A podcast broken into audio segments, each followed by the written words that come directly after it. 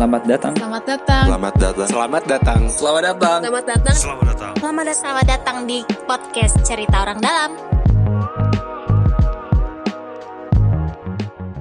Halo, akhirnya kita bisa menjemput seorang yang sangat penting dalam beberapa hari ini yang jadwalnya Masya Allah. Bapak Heri, kalau boleh tanya dalam seminggu ini lu pulang jam berapa nih? Jam Yang jujur Pak, bukan dilaporin ke istri. Anjir.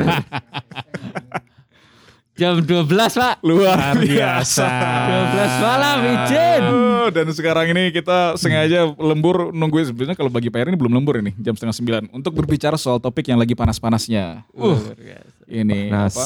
Lagi- Ditunggu semua ditunggu orang. oleh semua orang. Ini bahkan juga pemda-pemda di kota-kota lain juga pada pengen dengerin gitu ya eh, bocorannya gitu. Jadi saat ini DKI Jakarta mulai tanggal 4 Juni ya, Per ya. Mulai tanggal 4 Juni sudah mengakhiri PSBB tahap kedua dan melanjutkan dengan PSBB tahap ketiga. Tapi bedanya apa dengan PSBB tahap dua ini, tiga ini? Apakah ini adalah the new normal? Apa ini cuma gimmick supaya ini ya namanya nggak boleh sama Iya. Oh. Apakah ini adalah eh, sequel? Wih Dan Harry ini adalah orang yang tepat ya. Buset. Untuk membicarakan itu semua. Dan Nobita, eh Nobita, Anjing Nobita. Nobi sudah banyak pertanyaan yang ingin ditanyakan. Oh banyak Oke, kita langsung aja. Mungkin karena waktu Pak Heri sangat terbatas, eh, ditunggu oleh istri. Pak Heri, eh, jelaskan Pak, ini apa yang terjadi Pak? Ini PSBB tahap transisi ini apa sih Pak? Binatang apa ini? Betul sekali pak Saya juga bingung pada awalnya pak Jadi Lagi ini gimana ya? Memang- Memang itu bingung. kesulitannya adalah bagaimana mempertahankan PSBB Tapi dengan cara yang baru Oke, Jadi PSBB kita butuhkan. Kenapa? Karena dengan PSBB pemerintah daerah tuh bisa menerapkan protokol-protokol dengan ketat. Iya. Karena kita ngomonginnya kan soal undang-undang kekarantinaan, wabah gitu kan. Kalau PSBB-nya berhenti, udah pemerintah daerah tuh udah nggak bisa dengan segala macam pembatasan-pembatasan. Makanya eh bicara soal new normal, bicara soal eh, berbagai istilah-istilah gitu ya. Itu sebenarnya jebakan istilahnya. Padahal kalau kita balik lagi merujuk pada aturan, ternyata aturan cuman kenal kan karantina wilayah, Iya. karantina rumah, karantina rumah sakit, PSBB gitu kan. Hmm. Jadi itu kenapa ya ini adalah PSBB tapi dengan aturan yang baru. Hmm. PSBB dengan aturan yang baru. Aturannya apa Pak tahu? Nah, Bedanya apa dengan yang lama? Betul sekali. Ya yang kayak Pak Gup bilang berkali-kali bahwa Saya kok geli ya lihat muka bapak ya. saya juga males ya. saya lihat sendiri di kaca saya nan ketawa dari tadi. Coba Pak dibuka Pak, biar terkesan sangat ini sekali ya. Biar biar misterius. lebih dikit. berwibawa. Ngomongnya lebih santun Pak kalau kayak gini. Santun sekali. Tangannya harus Iya, tangannya Iya. harus gini, Pak. Jadi- Iya, iya, iya. Oke, lanjut lanjut. Sampai mana tadi Pak? Saya lupa. Jadi bedanya apa Pak? Oh, Jadi kan bedanya. Bapak bilang dia ada aturan baru. PSBB Nah, itu, aturannya itu eh, apa? Nah kalau kita ingat lagi aturan awal kan dulu bener-bener kayak semua ditutup kecuali 11 sektor kan Iya. masih pada ingat 11 sektor. Iya. Nah kalau sekarang itu dengan kasus kita yang udah mulai melandai, kapasitas testing, kapasitas rumah sakit yang ternyata dianggap sudah mampu memenuhi gitu ya selama tiga bulan PSBB ini. Hmm. Jadi dan kita sad- sadar juga PSBB berdampak tentunya terasa sekali dalam hal eh, perekonomian. Jadi kalau kita masih di satu sisi masih ingin mempertahankan PSBB tapi eh, tidak melakukan pelonggaran ya mungkin angkanya akan sangat signifikan turun tapi berbahaya juga gitu untuk perekonomian kita. Nah, akhirnya jalan tengahnya adalah kita masih menerapkan PSBB tapi dengan pelonggaran. Jadi bedanya tuh karena ada pelonggarannya. Oke. Dan kalau Pak Gu bilang kan kalau kemarin itu hampir pembatasan tuh ketat, sekarang udah mulai dilonggarkan 50%. Jadi semua sektor pada dasarnya sudah mulai terbuka Oke. secara bertahap.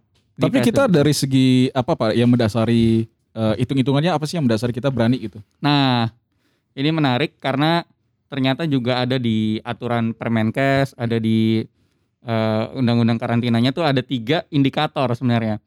Indikator pertama tuh kajian epidemiologi, Iya. yang kedua penilaian kondisi kesehatan publik, sama yang ketiga penilaian kesiapan fasilitas kesehatan. Oke. gitu. Jadi itu tiga indikator yang kemarin kalau teman-teman lihat lagi eh, YouTube-nya Pak Gup, eh, beliau menjelaskan nih dari sisi evidence-nya eh, angka penularan kita udah mulai di bawah satu, eh sorry, ya di bawah satu Iya. ya. Artinya kan kalau angkanya di bawah satu dalam sehari itu orang udah mulai kalau angkanya dua misalnya, Iya. berarti sehari satu orang tuh ngeluarin dua Iya. di Jakarta di Itu kota target kita. MLM apa gimana itu Pak? Betul juga ya. Makin banyak makin bagus coronanya. Gitu. Nah, kita Oh, menurunkan. Terus yang tadi yang soal kondisi kesehatan publik eh apa yang soal gimana kesiapan rumah sakit kita, fasilitas lab kita Iya. dan lain sebagainya itu udah mulai membaik gitu gitu, ya? kan. Hmm, Jadi oke. Jadi eh, pemerintah pusat waktu itu kan juga diskusi eh, ber- berkoordinasi dulu dengan gugus tugas pusat merasa Jakarta ini sebenarnya udah siap, tapi Oke. ya dengan pola pengaturan yang barunya. Oke, Mas Nobi ada yang mau ditanyain nggak? Oh banyak. Ini Farel mau nanya juga nggak nih? Eh, mungkin ini sih apa namanya lebih ke kan sekarang banyak banyak pertanyaan nih misalkan em, nanti eh, apakah sekolah sudah dibuka misalkan mm. gitu ada atau misalkan gimana soal soal olahraga ini kan katanya udah dibolehin ya olahraga di outdoor dan segala macam. Nah ini gimana Hmm. protokolnya, tata caranya gimana, teknisnya gimana. Nah ini kira-kira kita itu bisa tahu detail-detail soal itu di mana sih dan gimana gitu. Siap, inilah yang membuat saya nggak pulang-pulang. Mohon izin. Jadi Oh, akan iya. keluar, Eh. akan keluar satu pergub eh, PSBB transisi ini. oh, akan ada pergubnya ya. Nah, pergub ini adalah Bukan akan Her. eh, Us, sudah, sudah. sudah. Jadi Sudah. ini yang akan mendefinisikan Oh, PSBB-nya cara barunya kayak gimana sih, Buset gitu kan. Nah, itu aturan umum nih pergub. Hmm. Nah, nanti keluar Kepgub yang menjelaskan bahwa aturan transisi itu berlaku dari kapan sampai kapan. Terus abis itu yang dibuka tuh apa aja secara Hmm, bertahap. Oke. Jadi kayak kalau dipikir-pikir kan yang paling eh, ditunggu-tunggu misalnya eh, kayak rumah ibadah. Iya. Terus abis itu Oh, itu sangat ditunggu oleh kita semua, Pak. Oh, Rumah ibadah adalah hal pertama yang kita. Allah. ada ada rasa ini ya. Eh, soalnya biasa jualan siomay di depan. tunggu. Gak boleh jualan juga Oh sih. iya, sorry, sorry, sorry. Tolong Satpol PP ini. gitu. Terus yang kayak mall, Hmm. kantor itu kan udah ditunggu semua untuk eh, kapan nih gue bisa mulai masuk kantor lagi. Iya. Gunting rambut. Eh, gunting rambut juga sih, tapi jadi akhirnya kita tuh memberlakukannya itu bertahap melihat dari satu implikasi terhadap ekonomi yang paling tinggi Hmm. sama yang kedua implikasi terhadap sosial juga. Oke. Jadi kalau udah mulai rada-rada nggak penting misalnya gitu ya, ya itu nanti bisa di belakang lah. Iya. Tapi Apalagi mall kenapa di ujung, Pak? Berarti Bapak anggap mall nggak penting. Uh. oh, mall sangat penting. Oke, Justru lalu? kita ingin mempersiapkan dengan matang. Oh, Luar biasa. Udah sosokan gue. Bapak kalau mulutnya dilepas pasti beda lagi. Ini sekaligus kita mau baca nih ya informasinya ya, Pak Eri. Ini jadi prinsip umumnya warga sehat diperbolehkan berkegiatan di luar rumah. Berarti kalau lo sakit, udah lo nggak boleh keluar rumah gitu ya. Terus eh, fasilitas kegiatan hanya digunakan dengan maksimal 50% kapasitas. Ini berarti kalau lo punya kayak apa warung makan, ada 100 kursi yang boleh dipakai cuma 50 doang gitu ya. Selalu gunakan masker di mana aja. Jaga jarak aman 1 meter antar orang. Cuci tangan dengan sabun. Menerapkan etika batuk bersin untuk kegiatan tertentu. Warga lanjut usia ibu hamil dan anak-anak belum diperbolehkan. Ini lumayan. Ini saya nggak tahu ini berat apa ringan ya kalau dilihat padang kalau kita lihat dari sisi pelaksanaannya. Memungkinkan nggak ini? Nah, jadi kan sebenarnya ada ada yang namanya tuh PHBS, perilaku hidup bersih dan sehat. Oh. Itu tuh Kemenkes tuh ngeluarin sebenarnya. Itu kayak ya kalau pada umumnya itu sebuah gerakan masyarakat lah. Nah, tapi kondisinya sekarang kan de- dengan Covid ini kita nih kayaknya harus melakukan satu perubahan Iya. eh, bagaimana pola hidup kita yang baru gitu. Makanya ini masuk bahkan dalam pergub kita Iya. Eh, mengatur baik personal pribadi masing-masing dan institusi gitu. Nah kalau tadi ditanya, memang kesannya ini banget sih eh, apa namanya em, Ideal banget. ideal sekali bener dan gue mau ngecek yang mana ini hal-hal yang sebenarnya jadi tanggung jawab masing-masing juga gitu kan Hmm. tapi setidaknya ini menjadi penekanan bahwa pemerintah itu eh, mendorong perilaku-perilaku hidup bersih sehat itu dan satu sebenarnya yang kita incer ada pemakaian maskernya Hmm. Jadi perilaku hidup bersih sehatnya itu ditambahkan dengan pemakaian masker Oke. kenapa karena paling enggak masker inilah yang akhirnya kita jaga benar-benar dan bisa mendatangkan sanksi kalau lo pada nggak pakai. Oh, Jadi, sanksinya apa tuh, Pak? Sanksinya bisa Bapak pakai rompi habis itu disuruh nyapu jalan Oke.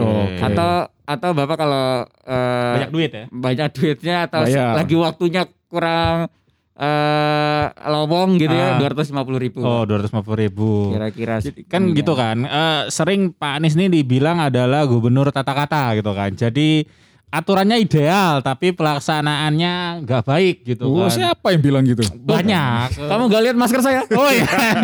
Lo Pak Anies di situ ya. iya betul sekali Ah, jadi, nah itu paling yang akan jadi eh, pembahasan dari orang-orang kan ya ini pelaksanaan gimana tadi mungkin sudah dijelasin bahwa Iya. kondisinya kembali eh, minta tolong gitu ya buat Iya. masyarakat juga buat pembantu. Ini kan berarti butuh pengadilan diri dari masing-masing Oh, orang ya. pengendalian diri ya.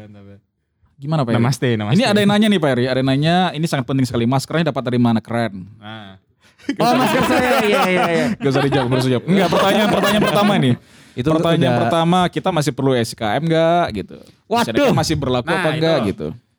jadi ini adalah ujian hidup saya Ya. SIKM pergub PSBB pergub jadi SIKM ya Nih Jakarta udah beda negara kayaknya. Perlu masuk Betul izin sekali masuk ya. Harus ada visa Bapak jangan mancing-mancing.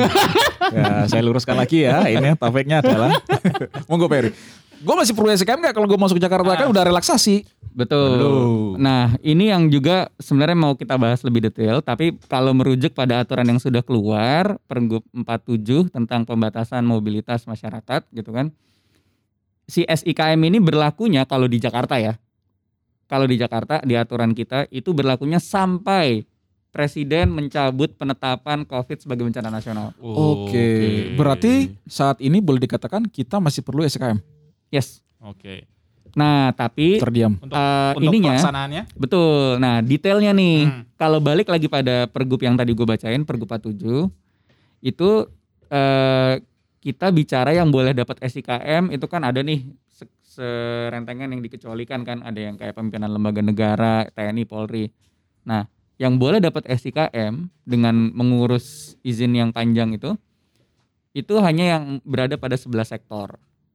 Jadi kalau lu bukan 11 sektor, lu sebenarnya nggak boleh dapat SIKM. Hmm. Itu kayak bener-bener udah lah mempersulit orang ngurusnya, udah gitu membatasi, pula. Membatasi. Sebelah Nah. sektor ini di PSBB pertama itu ya. Bener. Nah, sekarang dengan per- eh, PSBB transisi, Hmm. sebenarnya kan yang tadi gue bilang, Kantornya, Sektor- kantornya banyak yang buka kan. bener sektor-sektornya bertahap nih dibuka.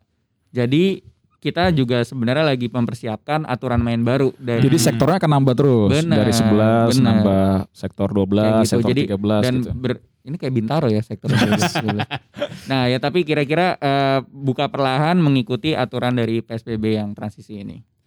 Oke. Dan ini belum tahu Pak ya kapan kita berakhirnya nih ya PSB PSBB transisi. Mungkin bisa diwawancara dulu virusnya gimana kapan Betul sekali. Ran Ran. Iya. Jayus sekali, Jayus. Oke lanjut. Maaf maaf. Apalagi Pak Nobi atau Pak Farel? Eh, kan ada yang ini ya, kan bilang ada yang bilang eh, PSBB ini akan berubah jadi PSBL sempat bila isu. Oh itu. iya, PSBL tahu pembatasan PSBL sosial gitu.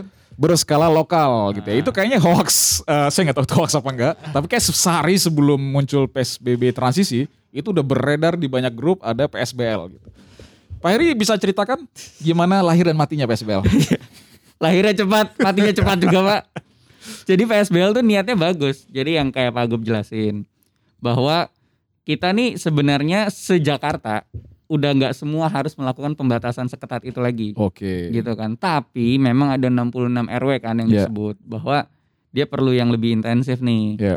Nah, niatnya si 66 itu disebutnya PSBL. Oke. Jadi lu masih dengan cara main PSBB tapi berskalanya lokal Skalanya gitu kecil. kan. Nah, tahu-tahu abis rapat viral Oke. karena memang kita rapatnya sama RW RW kan. Iya, kita bilang iya. sama RW, "Eh, we, lu siap-siap." Eh, Anjir, W 11.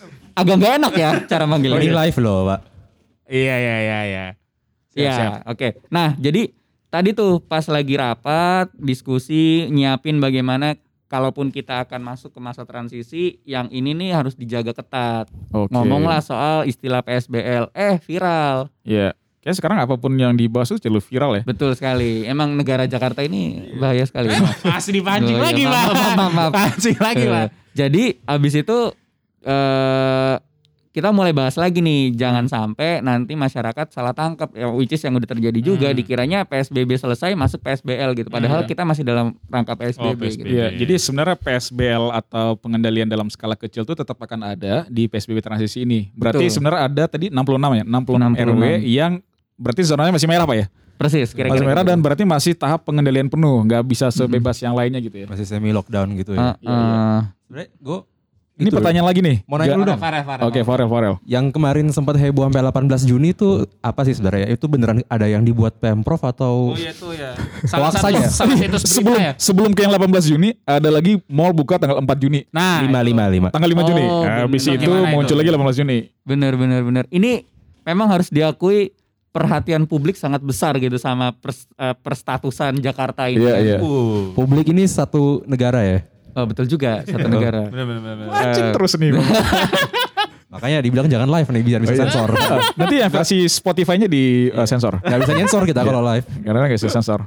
Nah, jadi bener eh, mulai banyak yang menerka-nerka gitu kan. Kalau yang pertama soal mall dibuka tanggal 4 Juni, ya simply karena mereka melihat perpanjangan Capgub-nya terakhir sampai 4 Juni. Iya. Dan PSBB ini yang terakhir ya. Dan dibahaslah di mana-mana bahwa ada new normal akan dibuka dan sebagainya. Padahal si Jakarta sendiri belum menentukan gitu kan. Yang kedua yang apa tadi yang sempat viral sebelumnya juga 4 4 Oh, Juni. 18 Juni, Juni. habis itu 18 Juni. 18 Iya. Juni katanya Bener. mau diperpanjang salah satu situs berita. itu juga Hoax. eh, sebentuk mengada-ngada ya. Iya. Tidak Imajinatifnya. Iya. Tapi momennya emang maksud gue mungkin karena orang semua orang udah nunggu ya. Jadi apa pun informasi yang keluar dengan istilah agak teknis sedikit itu dianggap sebagai informasi formal gitu Level legal. anxiety-nya udah ketinggian Iya. ya semua orang Hmm. ini. Kayak bahkan pas begitu Pak Anies selesai apa preskon sama Pak Wagub itu kan berat kayak semenit kemudian udah muncul tuh apa di File-file. yang beredar gitu. Oh, kan. Ada yang Inilah loh, dokumen segala macam gitu termasuk file tetes mata kan yang viral itu. Yang viral ya. Yang lebih viral daripada yang dipresentasikan. Pak ini ada juga nanya ganjil genap masih berlaku nggak? Siap. Nah, eh, ganjil genap kita kan sadar nih. Sebenarnya niatnya juga masih tetap ingin ada pembatasan eh, dari pengendalian lah ya pengendalian mobilitas. Dan kita melihat memang ada beberapa eh, tools untuk pengendalian eh, mobilitas ini. Satu ganjil genap. Iya. Kedua juga dari sisi pembatasan fasilitas Parkir. transportasi publik dan parkir gitu kan. Dan si Pemprov sendiri juga dalam pergub yang keluar ini itu menekankan untuk memakai sepeda dan jalan kaki. Jadi Oke. selain membatasi apa pergerakan, tapi kalaupun bergerak itu yang sehat lah Iya. gitu kan. Iya. Kalau perhatiin juga nih akhir-akhir ini di Jakarta dan dan kota-kota satelitnya tuh banyak banget orang sepedaan. Mm-mm. Oh, udah mulai naik ya. Iya, angka, jadi- angka sepedanya naik ya. Iya, bahkan ada dari NGO transport yang sering publish-publish data. ITDP. TDP. Iya, itu Disebut Iya, aja sebut nggak aja. apa-apa. Sebut aja sih. Kan live, jadi kita jaim dikit. itu penjualan sepeda bekas itu naik, Naik. loh. Bukan hanya di Jakarta, di kota-kota lain naik juga. Itu tren yang bagus ya. Iya. Gitu. Karena kalau misalnya ganjil genapnya dibuka, terus semua orang alih-alih pakai sepeda dan pakai mobil kendaraan pribadi bisa macet lagi tuh, gitu. Balik lagi. Nah itu nyambung ke transportasi publik tuh berarti ya. Iya. Transportasi publiknya gimana tuh kalau pas zaman transisi ini gitu kan? Mm-mm. Nah, transportasi publik sebenarnya gini, jadi aturan PSBB-nya berat eh, PSBB transisi ini kan umumnya itu 50%. Nah, tapi nanti untuk tiap sektor akan ada pengaturan dari dinas masing-masing. Oke. gitu. Nah, kalau bicara soal transport publik tetap masih dengan at- protokol umum 50%. Jadi Hmm. kayak Iya. lu satu gerbong MRT 60 cuman boleh 30 gitu kan. Iya. Tapi mungkin tidak sedrastis dulu nih yang pernah sempat cuman buka dari jam berapa Ya kan sempat rame kan itu bikin efek Mm-mm. kejut katanya. Iya. Nah, Iya. kita sudah ramai. mulai belajar dari pengalaman akhirnya eh, simulasi-simulasi sebenarnya masih bisa berlaku normal. Oke, Jadi jam jam jamnya- operasinya jamnya normal, normal ya berarti. kapasitasnya masih 50% gitu ya. Betul, kayak gitu. Oke, menarik. Ini Pak Heri, kalau nanya soal pendidikan, Siap. sekolah, apakah langsung dibuka atau nunggu? Ini saya nggak tahu di di file yang kita terima kan ini paling akhir justru dibuka ya sekolah. Betul, paling betul. paling akhir untuk dipertimbangkan dibuka. Iya, Belum disebut malah kapan bukanya. Mm-mm. Bahkan belum disebut Nah kapan itu bukanya. alasannya apa tuh Pak kalau terakhir Nah, dibuka? kita benar-benar sih gua eh, menghargai banget nih bahwa Pemprov DKI ini menghargai si saintis-saintis dalam hal ini. Ikatan Dokter Anak Indonesia kan Iya, yang iya.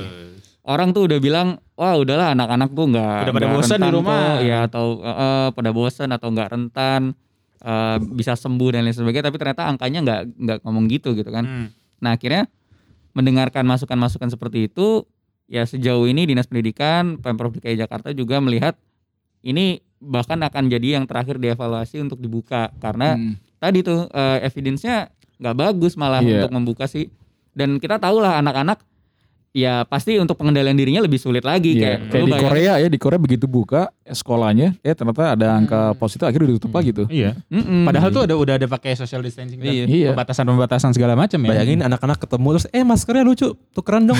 pinjam pinjam gitu. Iya. dan Pelukan. iya tukeran masker itu enak banget gua nggak Abis bau, abis bau jigong, bau jigong gitu tukeran gitu ya. Sorry, Gak enak banget dah. Tapi punya Pak itu kayak bekas air. ya. bau rendang ya pak ya rendang. Itu ada te- bekas tetesan matanya gitu. Oke, Pak Eri, tempat olahraga gimana?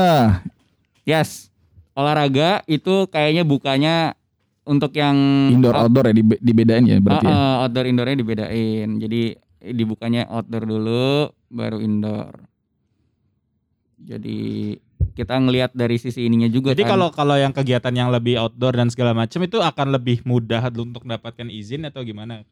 Eh, enggak bukan bukan dari sisi izinnya kita emang ngelihatnya benar-benar dari resiko penyebaran ya Hmm. jadi kal- makanya yang indoor kita batasin karena emang resiko mereka untuk berdekatannya itu kan lebih besar ya Hmm. kalau outdoor asumsinya kan kayak lo lari GBK Udaranya gitu. juga lebih ini ya. Mm-mm. Jadi untuk orang-orang yang mau lari GBK, lari di Monas gitu udah bisa ya. udah mulai Iya. Hari ini udah bisa sebenarnya. harusnya ha, ha, di Harusnya hari udah bisa. Eri ini izin konfirmasi. Ini kan di apa di Instagramnya Pak Gubernur disebutkan bahwa pada pekan kedua itu perindustrian, pergudangan, UMKM binaan, pasar, layanan pendukung bengkel, servis itu sudah dibuka 50%. Mm-mm. Apakah artinya berarti kita mengharapkan pada pekan kedua list-list ini akan masuk ke menambah 11 eh, apa namanya sektor pengecualian itu ya berarti? Betul, ya? betul. Oke. itu yang dimaksud Hmm, berarti ada yang nanya SKM masih berlaku masih berlaku eh, sampai status tanggap daruratnya dicabut gitu ya. Mungkin Nah. status Instagram kita perlu ganti gitu. Iya, SIKM kayaknya- masih berlaku. Kayaknya Iya. itu jadi masalah banyak orang ya. Iya. Jadi rame gitu. SKM gimana sih Pak Eri? Berapa banyak sih sekarang yang dapat SKM-nya?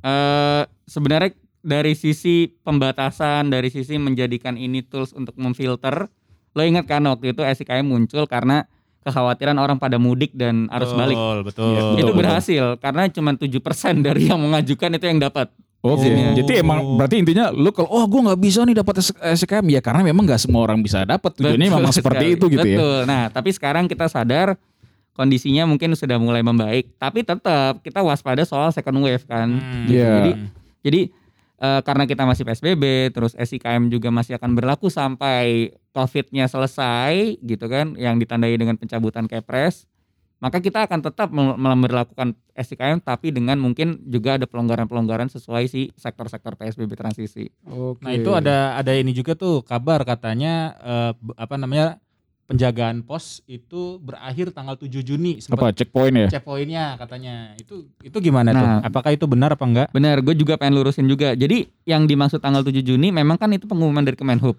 Oke. Nah, Kemenhub ya kementerian sesuatu yang bisa mengkoordinir lintas wilayah. oh, Jadi oke.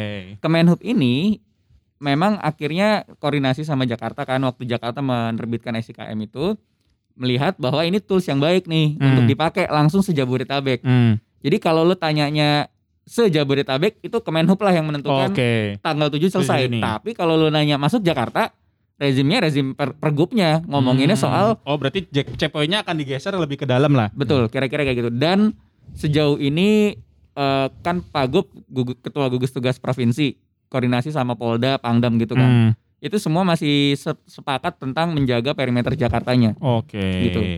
Kalau apa tadi yang tanggal 7 Sejabodetabeknya. Oh, sejabodetabek udah dicabut tapi kan kayak beberapa kota lain tuh udah membuat SIKM mereka masing-masing juga ya. Bener. Nah, itu yang sebenarnya diharapkan dari awal. Jadi Jakarta juga kan seingat gua ngirim surat juga nih, surat dalam uh, hal koordinasi kebijakan antar antar wilayah Iya. dan kita kita juga nyampein Iya. bahwa nih Jakarta bikin SIKM Iya. dan mengecualikan orang-orang berKTP Jabodetabek untuk bisa tetap bergerak di Iya. dalam Jakarta dan Jadi intinya kalau kalau punya KTP Jabodetabek, Lu lu nggak usah khawatir, lu nggak perlu Bener, SKM. gitu bener, kan. bener. Asal lo udah di dalam Jabodetabek Asal lu ya. di Jabodetabek. gitu. Heeh, jadi lu Oke. kalau udah KTP Jabodetabek di dalam ya muter-muter santai, Iya. tapi yang bikin repot lu lagi pudik. Iya. Nah, itu yang emang kita pengen batasin. Jadi Iya. ya sorry to say lo emang adalah target kami untuk tidak boleh masuk gitu Izin kan. siapa suruh keluar kota ya. Itulah kan udah dikasih tahu dari jauh-jauh ini hari. juga ada pertanyaan dari anak kafe nih yang ngakunya anak kafe. Kayaknya ini tinggal bukan di Jakarta ya. Saudara Patria Patria apa?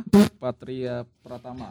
Oh, iya. Eh, aku orangnya suka aku orangnya suka ngafe outdoor. Anak Bisa kafe. udah anak ngafe. Udah Oh. boleh buka belum gitu. Eh, baiknya mungkin eh, Di Bogor meng- kafenya, Pak. meng- mengaji aja ya mungkin di rumah sebaiknya. Kafenya eh, di Bogor. Kok Kafenya nanya di Bogor. Jakarta Oh ya? iya, mohon maaf di, di luar yurisdiksi, Pak. Jurisdiksi. Tolong Jadi ini Mas Jakarta bukan Eh, Jabodetabek. Patria, ya? Mas PP Patria Pratama karena lokasi kafenya di Bogor itu ketentuannya tidak melekat Pak di sana.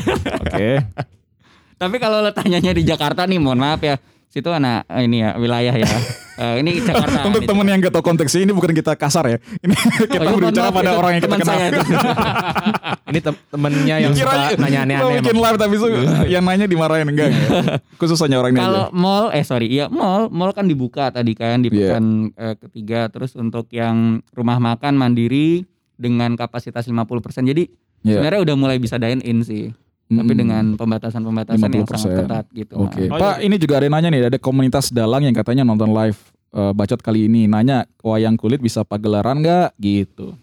Bagus sekali Pak pertanyaannya mohon izin. Mohon izin cek dulu Pak berkas arsip Mohon eh, izin, mungkin mohon izin. sambil nunggu Pak Heri menjawab ada ada pesan-pesan. Oke. Gimana Pak Heri? Jadi memang eh, ini balik lagi nanti untuk setiap sektor kalau Iya. ini misalnya kan sektor budaya gitu ya. Iya. Nanti akan diterbitkan nih protokol masing-masing eh, sektornya oleh kepala dinas kita. Hmm, Jadi Oke. gue belum bisa jawab sekarang Iya. karena memang akan ada pertimbangan-pertimbangan khusus kan Iya. eh, yang pasti akan sulit untuk Mm-mm. apa secara general gitu. Iya. Nah nih ada juga yang nanya nih kondisinya kan setelah pembukaan setelah pelonggaran ini kan pasti mau nggak mau ya siap eh, ada kekhawatiran gitu bahwa akan ada muncul tadi yang sempat Mas Heri bilang ada second wave gitu takutnya ada gitu. Nah kira-kira akan ada tes yang lebih banyak nggak nih tes PCR nih ada pertanyaan apakah setelah pelonggaran nih ada tes yang masa yang lebih luas dan lebih banyak gitu. Bener sih. Sejujurnya yang bisa membantu menjawab adalah teman saya. Pak. Boleh dibantu Pak? Salah ya? Eh, Kira-kira begitu Pak.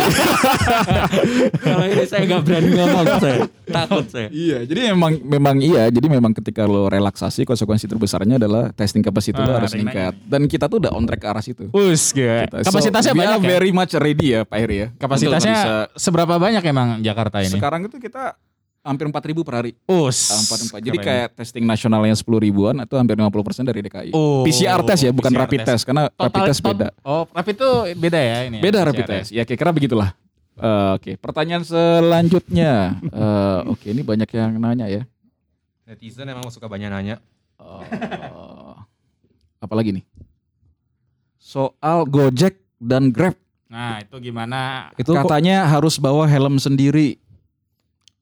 Apakah itu memang sudah ada aturan turunannya atau gimana atau seperti apa? Bener sih. Gojek itu eh, eh, ya pokoknya ojek online ya. Itu nanti juga akan diterbitkan protokolnya oleh eh, Pak Kadisub Iya. dan eh kita kita juga koordinasi terus nih soal bagaimana aturan yang Tepat. sebenarnya eh, yang tepat gitu. Jadi menarik misalnya eh, yang lagi disiapkan sama Pak Kadisub ada geofencing. Ya. Jadi kayak Apa lu itu? Lu nggak bisa mesen Gojek atau Grabnya di wilayah-wilayah yang masih zona merah Oh, supaya oke. mobilitasnya Lock gitu ya? terbatas. Ah, ah, jadi maksudnya banyak hal yang memang akan dijelaskan dengan detail melalui Iya, protokol-protokol dari masing-masing Ini sektor. Iya. berbasis sains sekali ya, keren lah ya. Keren ya, Keren, biasa keren. sekali. Kalau Iya. untuk masalah ojek-ojek ini kayak kalau ngeliat dari pusat udah banyak gak sih aturan-aturan dikeluarkan? Bener sih. Iya. Eh, apa ibaratnya memang ojek online ini salah satu yang paling banyak Iya. dikeluarkan aturan dan paling banyak juga yang sering bertabrakan Iya, gitu. mungkin karena unicorn ya. Iya. Barang langka. Karena unicorn ya, bukan karena karena menurut data juga sebenarnya yang paling terdampak dari sektor pekerjaan ya kalau nggak salah itu adalah sebenarnya UMKM. Iya. Sektor transportasi nomor kesekian gitu. Faktanya kemudian justru Gojek online yang paling banyak dikeluarkan aturan ya itu. Itu menjadi pertanyaan. Iya, mungkin harus Oke. online-online semua Jadi dulu intinya ya, biar diperhatiin. eh, Pak, berarti intinya akan ada pergub yang menjelaskan ini semua dan detail aturannya akan diturunkan di masing-masing SKPD Dinas, ya. yang relevan gitu ya. Betul. Termasuk juga tadi soal misalnya wayang kulit segala macam. Kalau di infografis kan ditulis masih minggu-minggu berikutnya tuh gitu. Mm-mm. Detailnya seperti apa akan dijelaskan lebih detail di SKPD masing-masing gitu.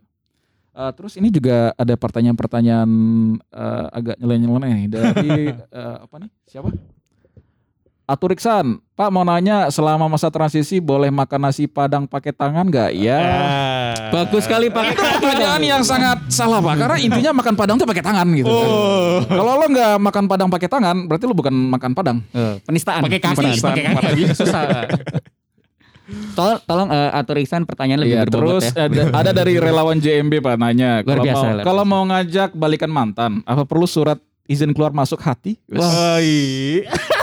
Saya nggak pernah punya mantan deh. Langsung Tapi hati itu jangan keluar masuk keluar masuk. Hey! Hati itu tempat. Ini hostnya pot, ini hostnya curhat ya. Eh, Aduh. Pengalaman pribadi jangan diumbar di publik ya. Oke, Pak ini mau nanya nih, Pak, gue nggak tahu ya, kan ini pada ramenya nunggunya new normal terus eh, kita ngasih nama yang berbeda itu sengaja nggak sih? menarik Atau sekali. DKI pengen beda aja gitu? Ah. Soalnya begitu kita keluar ada PSBB masa transisi, itu langsung ada yang komentarin, ini mah sama aja kayak kayak new normal gitu. Nah, Saya sebut komen dikit dong. Muter-muter aja gitu. New normal Seben- new normal itu awalnya itu gak sih bukan karena orang-orang pada pakai masker-masker keren, masker desainer gitu. oh, gue nggak tahu kalau yang kita itu. biasa gue gue jangan kita beda ini kayaknya Pak. Kamu dengarnya kayak gitu. ini lebih beda RW ini kita beda RW. kita. Ini lebih kultural lagi nih. Kultural. Eh, nah, sebenarnya eh, si Jakarta sendiri menyadari bahwa dia belum bisa masuk dalam fase new normal itu atau si kalau yang di aturan kita menyebutnya masyarakat yang sehat, aman dan produktif.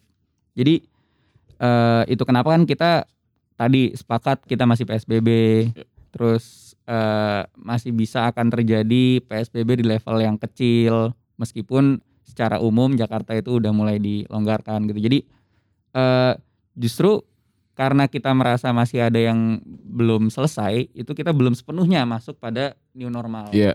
Makanya jadi kayak eh ya new normal juga bukan Katanya apa sesuatu tuh aman apa? aman, sehat dan produktif. Mantap. Sehat, Mm, aman. Jadi sehat, aman dan produktif. Sehat bicara soal warganya itu tadi kan ada perilaku hidup bersih sehatnya ditekankan, aman bahwa fasilitas kama, eh, fasilitas kesehatan kita tuh aman untuk menampung. Iya. Dan produktif ya mulai nih pembukaan sektor, terus eh, apa namanya transportasi gitu kan. Iya. Jadi itu itu definisi yang kita pilih Kita mau untuk gitu ya. eh, eh, dan dan eh, bicara soal new normal juga nggak ada di aturan mana pun Iya, kan belum ada, di belum ada. undang-undang atau apa pun Hmm. jadi ya ini memang pada akhirnya kan tadi gue juga baca berita B- BNPB pun berita bilang bacot nggak? Nggak. oh enggak Eh, saya yang lebih ini lagi lebih viral berkualitas. Tolong didengarkan lah itu.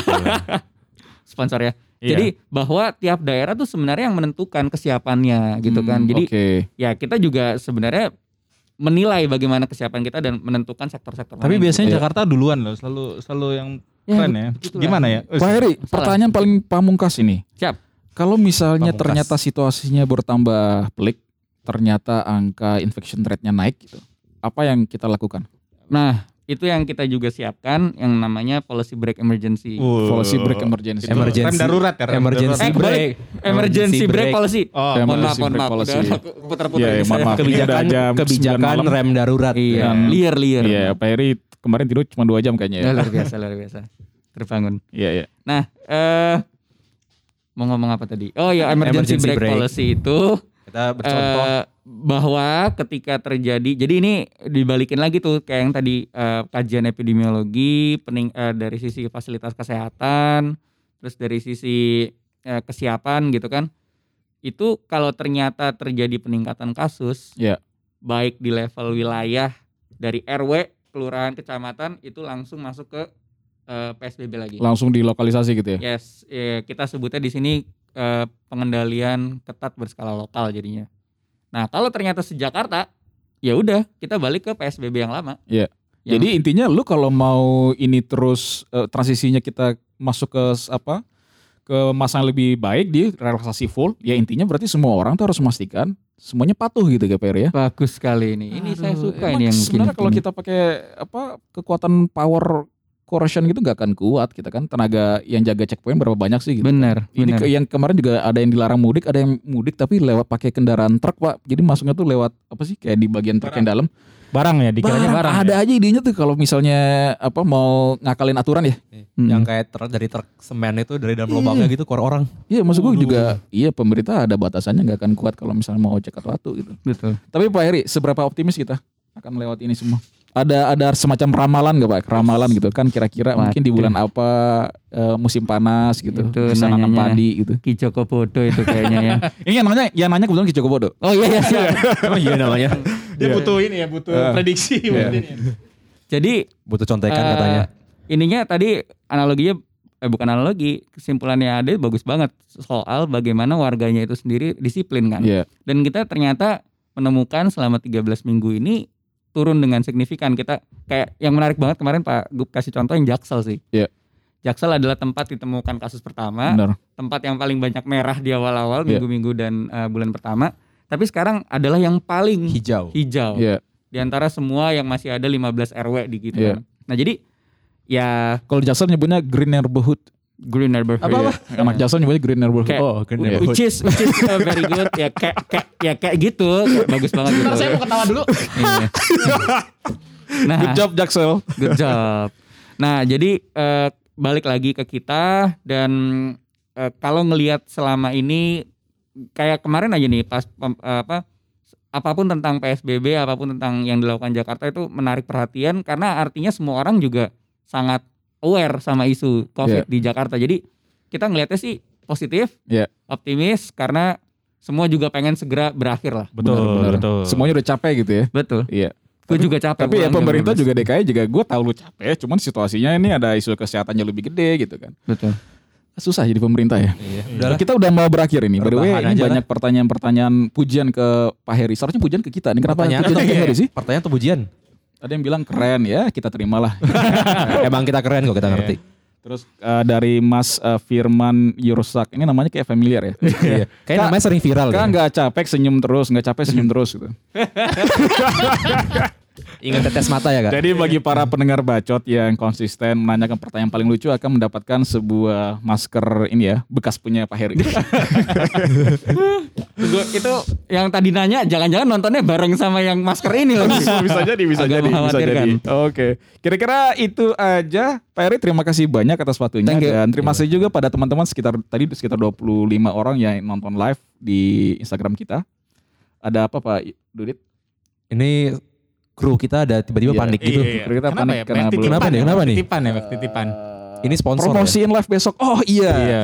Jadi bagi kalian yang hari Sabtunya bingung mau ngapain, kita akan memiliki sesi khusus yaitu eh, bacot live lewat Iya. Zoom, live YouTube, Bareng sama bareng kolaborasi dengan teman-teman dari kontekstual. Kontekstual. Oh, Kontekstual adalah podcast eh, nomor 2 terkeren di Indonesia setelah bacot. Eh, kita ada dua pembicara yang akan Itu kita self undang. claim ya, self claim ya. Yes, yes, yes, yes. Topiknya adalah kabar dari Amerika Serikat. Ini melihat dibahas situasi terakhir ya di Amerika Serikat. Soal yang demo-demo, demo, kasus rasialisme dan lain ya. sebagainya.